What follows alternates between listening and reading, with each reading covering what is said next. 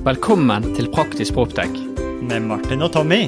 Dette er en podkast der vi ikke skal snakke om en fremtid langt unna, Men hvordan ny teknologi kan hjelpe oss til å drifte forvalte. og bruke byggene våre i dag. Vi vil vise deg de beste eksemplene fra innlandet Og fra utlandet. om hvordan sensorikk, teknologi og bygg henger sammen. So let's go! Andre episode, vår første store tema. Hvordan kan vi gjøre BIM folkekjært og avmystifisere det? Jeg er klar, og jeg liker hvordan vi har tatt en produktutviklingstilnærming til hvordan vi prioriterer temaene til podkastene våre. For her har vi egentlig tatt det temaet som vi har fått flest forespørsler om, og flest spørsmål rundt. Og noe som vi samtidig også har tenkt mye på selv. Hvordan kan man bruke BIM, som jeg tror mange er relatert til nybygg, til drifting og forvaltning av bygg? Og dagens gjest er vel kanskje Norges svar på Mr. BIM, Hans Christian Grani. Han er i hvert fall døpt eh, nå, Mr. BIM. Temaet BIM blir da første stopp på vår eiendomsteknologiske reise. Og, og faktisk vårt første intervju sammen. Ja, så egentlig første stopp på vår podkastreise også. For det var vel tydelig at vi har fortsatt litt å lære. Vi skapte ganske mye ekstraarbeid for oss når vi tok opp dette intervjuet. I hvert fall for meg. Ja, du er jo Mr. Tech, så det, når vi måtte ha en lydmann, så ble jo det deg. Og dette var jo en, en tre timers lang, fantastisk spennende samtale. Eh, men det er helt klart at som lydmann så, så var ikke det enkelt å få disse tre timene ned til 30-40 minutter. Eh, Å finne essensen på de 30-40 minuttene. Apropos lydmann, Tommy. Jeg tror alle lytterne i dag kommer også til å høre at det er et visst ekko og litt merkelig lyd som kommer fra deg, Tommy. For vi fant vel ut at eh, det er en feil og en riktig side til å prate inn i en mikrofon. Ja, det var, jo, det var jo under dette intervjuet så hadde jeg fått boom-armen min, denne stilige podkast-armen. Og, og image is everything. Så jeg monterte jo den mens Hans Christian koblet seg til. Og hastet i mikrofonen og var klar. Eh, men det viste seg at det var en riktig og en feil eh, vei å ha mikrofonen. Så til alle som eh, har tenkt å lage podkast, se etter den hvite dotten og snakk inn til den. Ja, du hadde en 50 sjans- sjanse til å få det riktig. Eh, Samtidig så følte jeg vel ikke helt at vi levde opp til navnet vårt her. Nei, eh, nå telte jeg faktisk, Martin, og vi bare introen vår så har vi sagt BIM seks ganger uten å fortelle det. Eh, og vi hadde noen ord vi slang ut uten å fortelle det, så la oss bruke denne introen her for å forklare det. Så Martin, hva er BIM?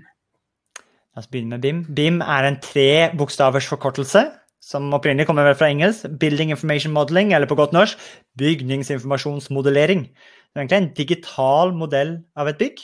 Det synes jeg er veldig spennende fra et tech-perspektiv. For her, istedenfor å ha en strek på en tegning som viser en dør, en vegg eller en vindu, så har man objekter som har en relasjon til hverandre. Og de kan også inneholde mye mer informasjon enn bare det geometriske. Ikke bare størrelsen og plasseringen, men faktisk metadata, som jeg liker å si, om de objektene. Og, og Hans Christian gjør jo en fantastisk jobb å, å forklare dette på en så enkel måte at eh, hvis du har brukt kjøkkenplanleggeren på Ikea, så kommer du til å skjønne hva BIM er etter denne podkasten her. Og apropos forkortelser, Tommy, det er ikke den eneste trebokstaversforkortelsen vi brukte uten å forklare. Og noen av dem ble faktisk jeg ganske forvirret av med min tech-bakgrunn, så kan du ikke forklare det jeg måtte google etterpå. Um, for jeg tror du nesten fikk en norgesrekord i å slenge ut forkortelser i et av spørsmålene dine. Ja, Jeg hadde, jeg hadde på utpust, så begynte vel jeg å nevne riv, rie, ork. Eh, og det er jo eh, selvfølgelig midt i BIM-ens hjerte, det at du sammenstiller disse fagene oppå hverandre, og, og ser det at ikke du har ventilasjonskanalen med siden av kabelbroen til elektrikeren. Så RIV er jo rådgivende ingeniør ventilasjon, RIE er rådgivende ingeniør elektro, og ARK er jo arkitekttegninger. De typiske ordene vi sitter i byggemøter. Og litt sånn som du sa, Martin, det er jo den, den tradisjonelle måten å gjøre det på er jo at alle jobber på hver sitt ark, i hver sin silo, mens i BIM så sammenspiller vi, legger de oppå hverandre. For å gjøre sånn som Kristian sier, vi bygger i praksis, er bygger i teori, sånn at det fungerer i praksis. Men er da jeg tror Et av spørsmålene vi også har spurt oss selv, er BIM egentlig bare for nybygg, da? Nei, og det er jo der Ario er veldig spennende, Martin. Det spørsmålet Ario prøver å løse, og tenker på i sitt produkt, er hvordan skal en vaktmester, en drifter, en forvalter, de som er i driftfasen av bygget, forholde seg til en BIM-modell?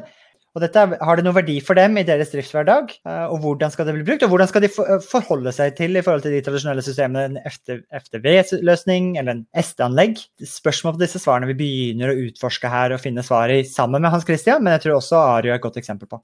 Ja, og, og Hans Christian har jo en veldig spennende bakgrunn. For han har jo både propp, altså eiendom, han har både tech, eh, og har jo på en måte utvikle, har sittet på eiendomssiden og sett et problem og løser det nå i teknologiselskapet. Så Hans Christian er egentlig i én person, hva vi er i to. Han har både proppen og tekken. Det er bra, det er bra ikke han holder på med podkast i tillegg, altså. Ja. Men i hvert fall med det sagt, vi ønsker velkommen til Hans Christian Grani, daglig leder i teknologiselskapet Arion. Hans Christian, velkommen til Praktisk Proptech meg og Martin vi har jo en litt sånn veldig unormal tilnærming til faget Proptech. Jeg kommer jo fra byggautomasjon. Programmerte bygg. Ønsket å være mer tech-fokusert og, og, lurte meg inn i denne Proptech-sfæren. Martin med sin fintech-bakgrunn inn på sensorsiden, og nå prøver på en måte å være litt bakoverlent og lære seg om bygg. Hva, hva er på en måte din vei inn i Proptech-reisen? Min bakgrunn eh, Det begynte egentlig på Tømreren. Eh, og så videre gikk jeg ingeniørhøgskole, bygg og anlegg. Og så jobba jeg eh, Hadde plikttjeneste, for jeg tok skole i Forsvaret. Så jeg jobba med eiendomsforvaltning. Og det var da jeg egentlig begynte å informere. Jeg har alltid vært interessert i teknologi og data og, sånne type ting. Men det var vel da jeg begynte å interessere meg for informasjonsbehandling. Vi satt med ulike leirer og masse bygg og anlegg vi skulle vedlikeholde. Noe var nytt, masse var gammelt. Men hvis vi skulle gjøre en jobb, så måtte vi alltid ut med målebånd og finne ut hvordan ting så ut, eller vi måtte ringe det han som hadde installert anlegget, eller et eller annet sånt.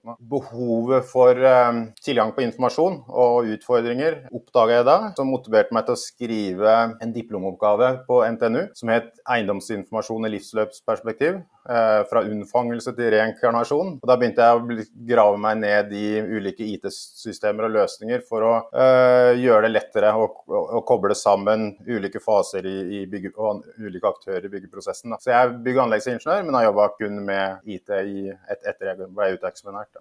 Men, men hvordan med tanke på din bakgrunn Jeg syns du, du, har en veldig kul bakgrunn at du på en måte har både bygg og tech.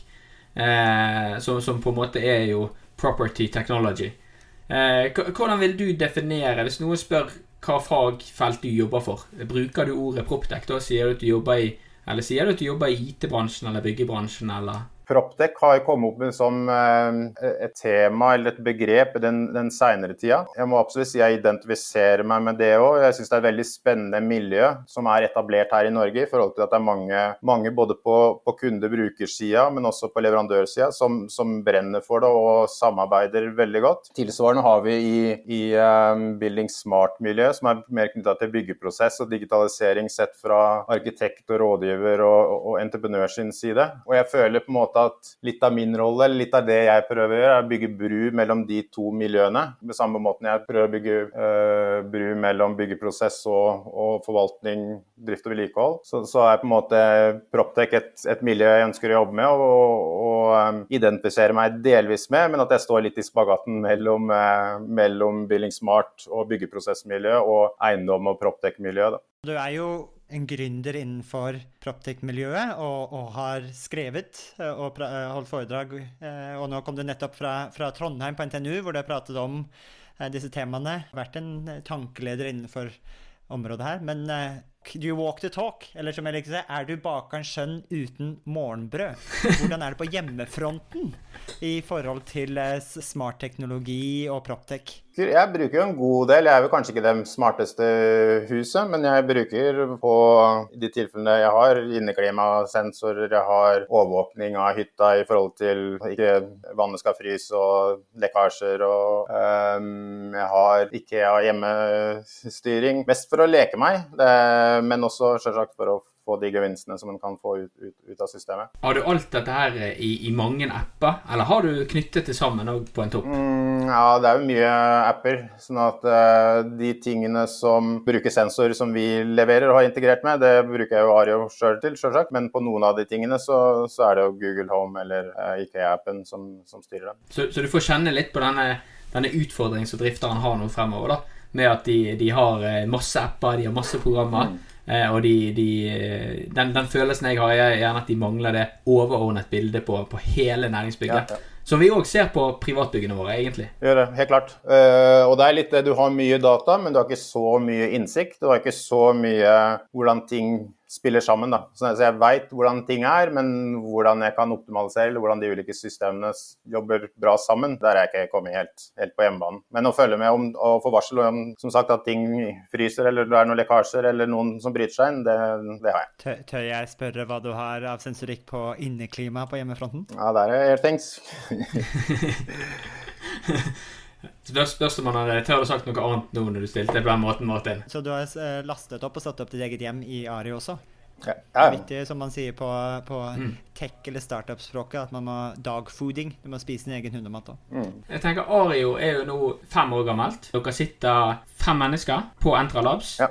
Og, og, klekker ut eh, verdensproblemene og løser det i praksis. Og dere har jo jeg, jeg, har jo fulgt dere lenge, over 18-20 måneder nå, siden første gang jeg møtte, møtte din kollega Kim. Mm. Eh, og jeg syns jo at dere på en måte Dere har jo en del løsninger oppe og går. På Poptech Bergen har jo vi kjørt løsningen. Det er jo det motsatte. Det er jo et gammelt bygg fra 1983 med, med svært lite dokumentasjon. Og jeg husker Det første dere gjorde der når dere kom opp, det var at vi hadde noen gamle, utdaterte branntegninger. Og så konverterte dere det til noe kjempestilig 3D-modell. Eh, eller 3D-tegninger, i hvert fall.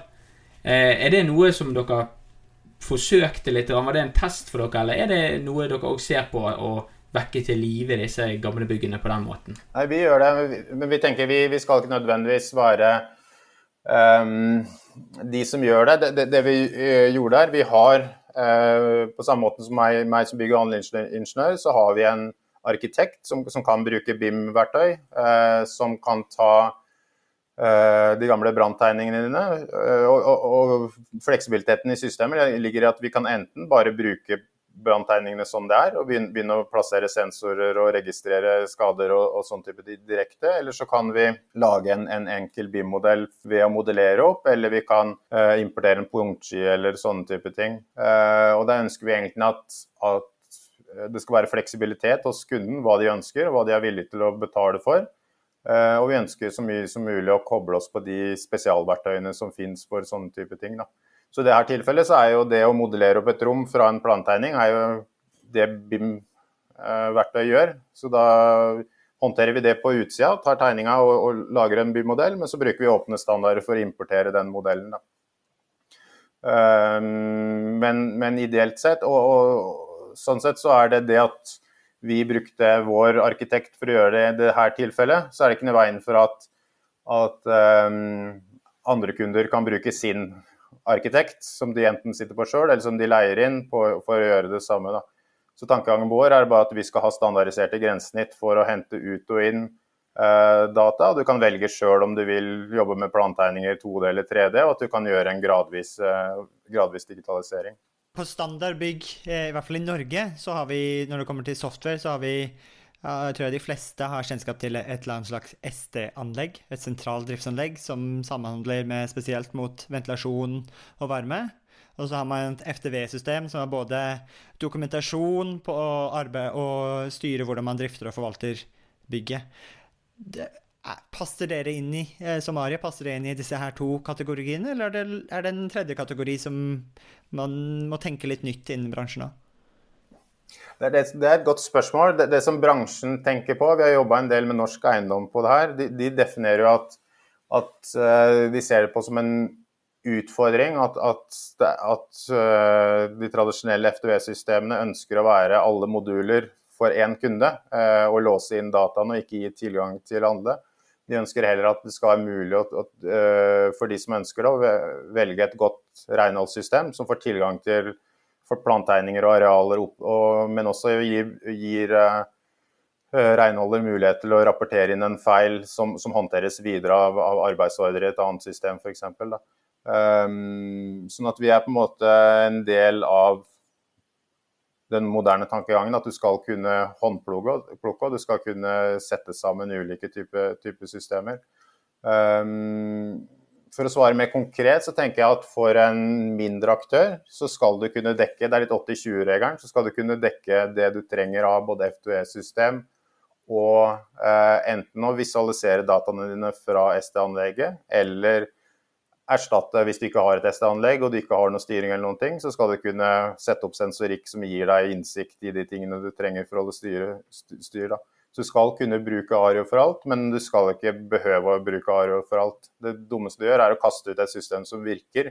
Da er det bedre å integrere seg med det og, og fylle ut de hølene som, eh, som er.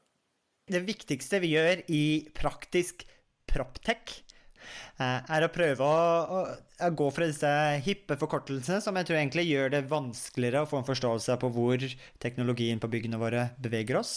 Eh, eller TLAR, som det så fint heter. Three Letter Acronyms. Tre bokstavers forkortelser. Eh, og prøve å forenkle og vise faktisk praktisk hva dette innebærer. Og et av de begrepene er BIM. Salabim. Kunne vi ikke begynt å, å forklart veldig enkelt hva står BIM for? Ja.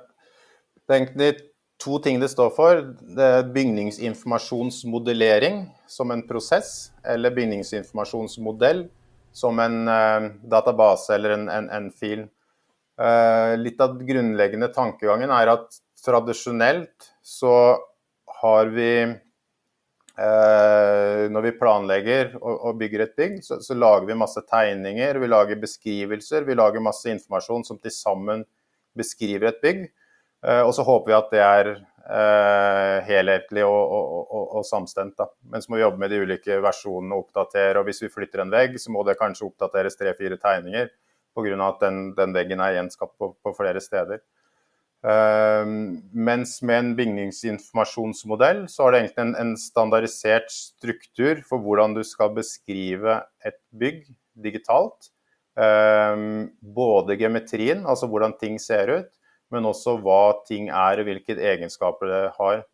Eh, så da er tankegangen at det skal være en intelligent database som beskriver bygget, som, som du ville ha beskrevet det med, med, tegninger, som viser uh, inndeling av rom og etasjer og son, uh, fløyer og, og, sånne type ting. Beskriver hva som er i veggen, beskriver hvordan de tekniske anleggene skal være. og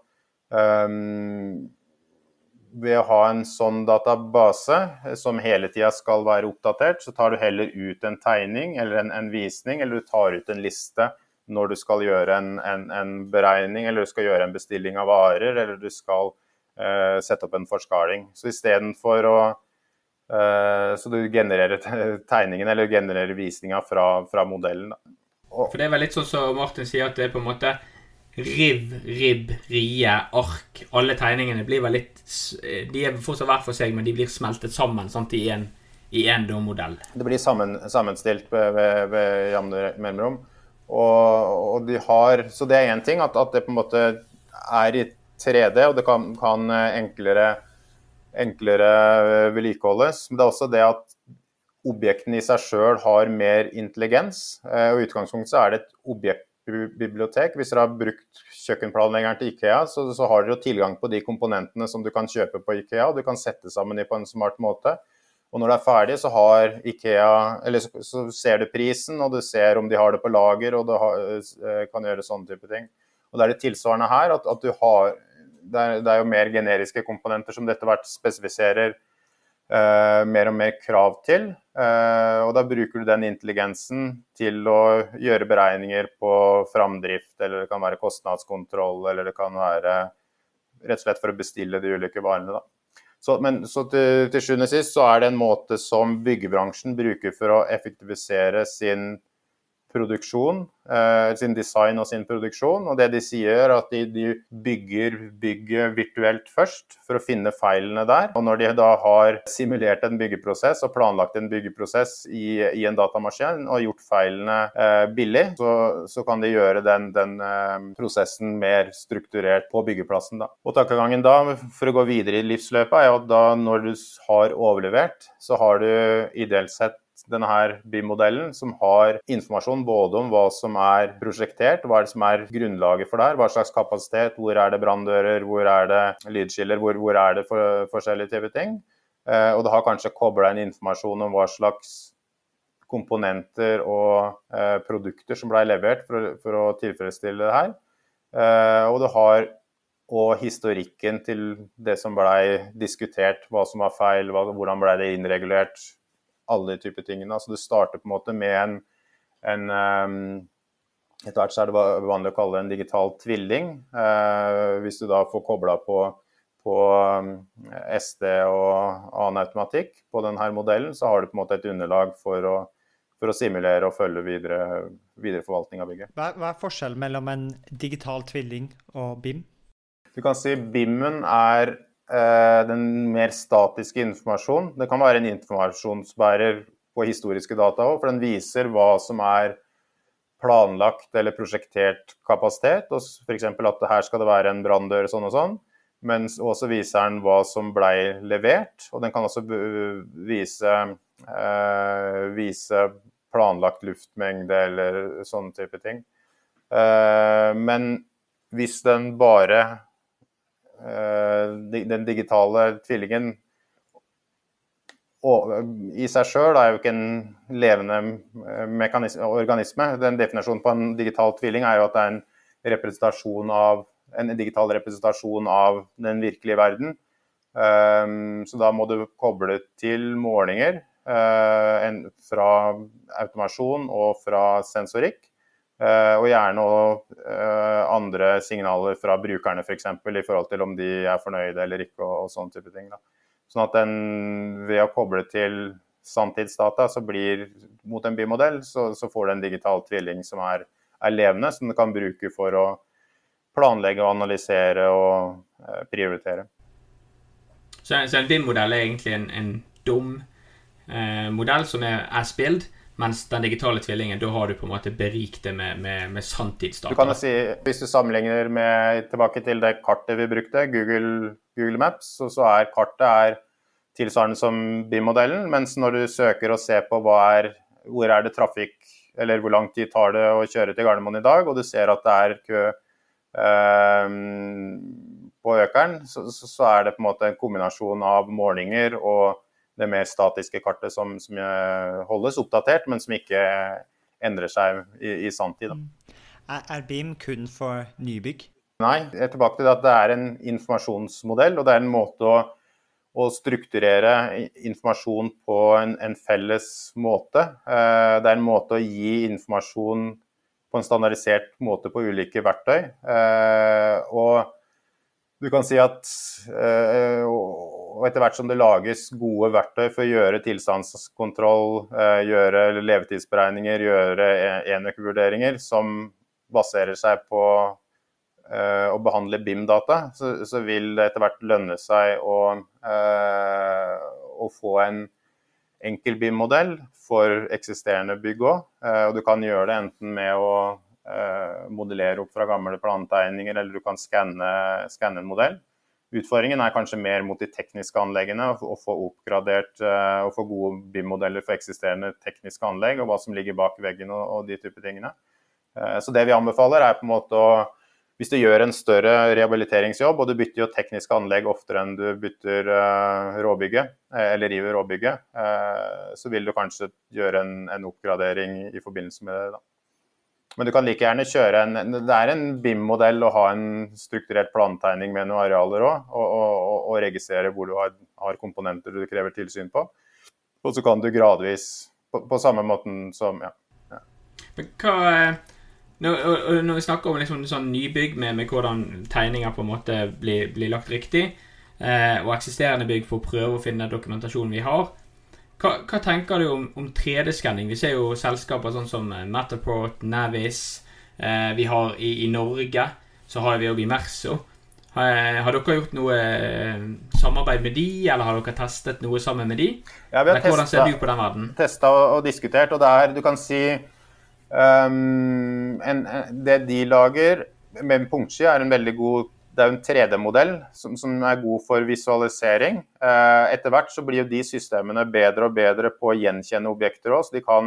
Du, du, kan gjøre en skanning f.eks. For, for å planlegge en renovasjonsprosess. Så kan du ta ut mengder og vite hvor mye himmeling du har og, og, og, og sånne type ting.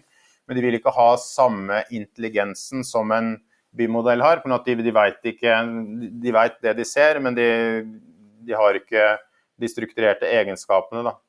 Men, men sånn som i Merso jobber, så jobber de mye med å eh, F.eks. i en byggeprosess så sammenligner de at BIM-modellen, som er det som er planlagt og det som skal utføres, med å ta en uh, skann av det som faktisk er utført. Og, og, ved å sammenligne de to, så kan de vurdere uh, framdrift, planlagt kontra reell framdrift, eller de kan fange feil. At liksom her er noe satt feil, eller her mangler vi en utsparing som det skulle ha vært. Så det er litt sånn Det er en del av BIM, men ikke fullt BIM, og det spiller godt sammen med, med BIM. Og det, det, er litt den strukturen nå som jeg sier at du kan gradvis digitalisere. Du, du kan starte med en plantegning, og så kan du gjøre en, en skann, og så kan du eventuelt få en god BIM-modell når du gjør en renovering seinere. Innenfor Proptech-miljøet, så du er innenfor flere miljøer her, men innenfor Proptech-miljøet, er det noen der ute du ønsker å fremsnakke? Eh, er det en bedrift eller noen som er en eh, ekstra pådriver som skape, er med på å skape dette miljøet rundt ta i bruk ny teknologi til drifting av byggene våre? Ja, det er flere jeg kunne trekke fram. Tommy sitter jo her.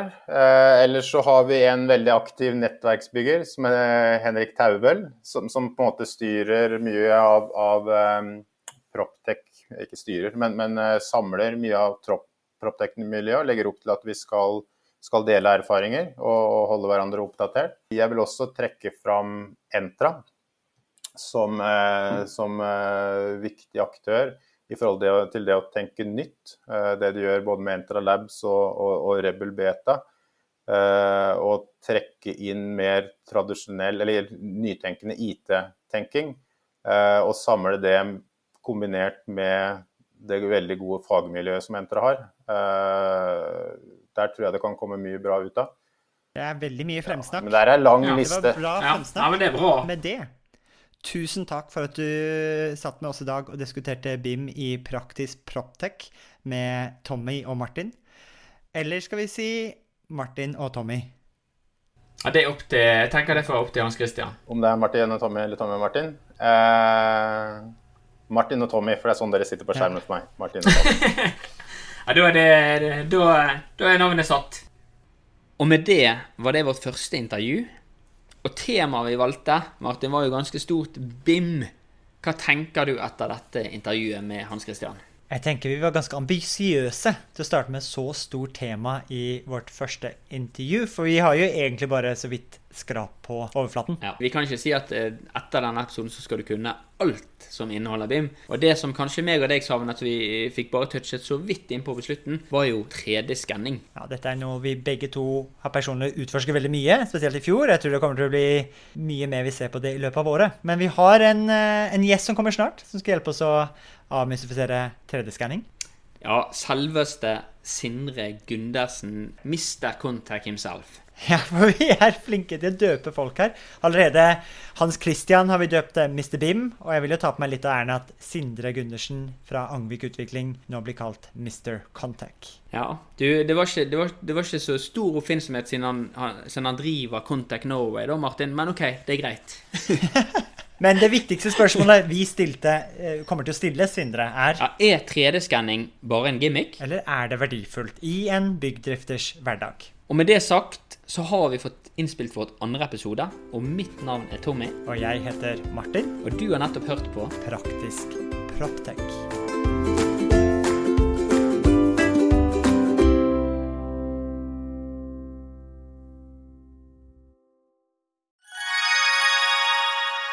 Da dere er 2024 i gang, og et av høydepunktene på starten av året er jo sett sammen et årshjul, og det har vi også gjort, Tommy.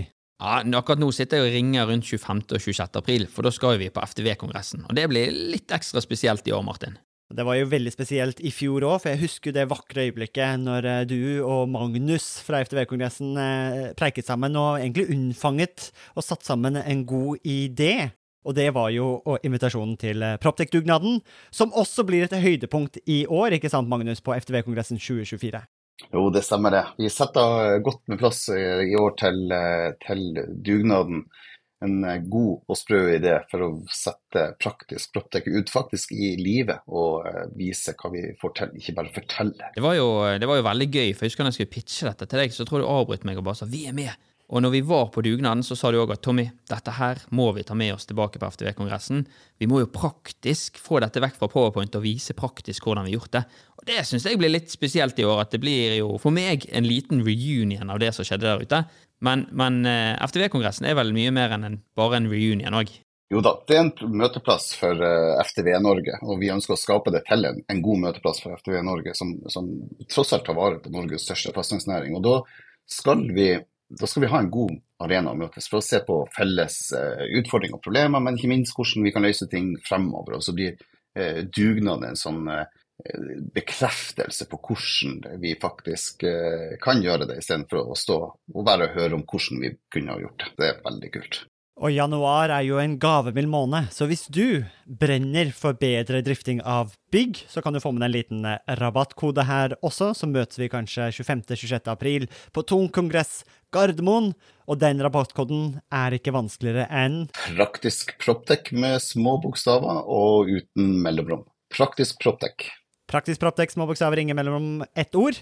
ftvkongressen.no, der ser du programmet, det blir oppdatert i disse dagene, og så møtes vi i april. Vi ses! Vi ses!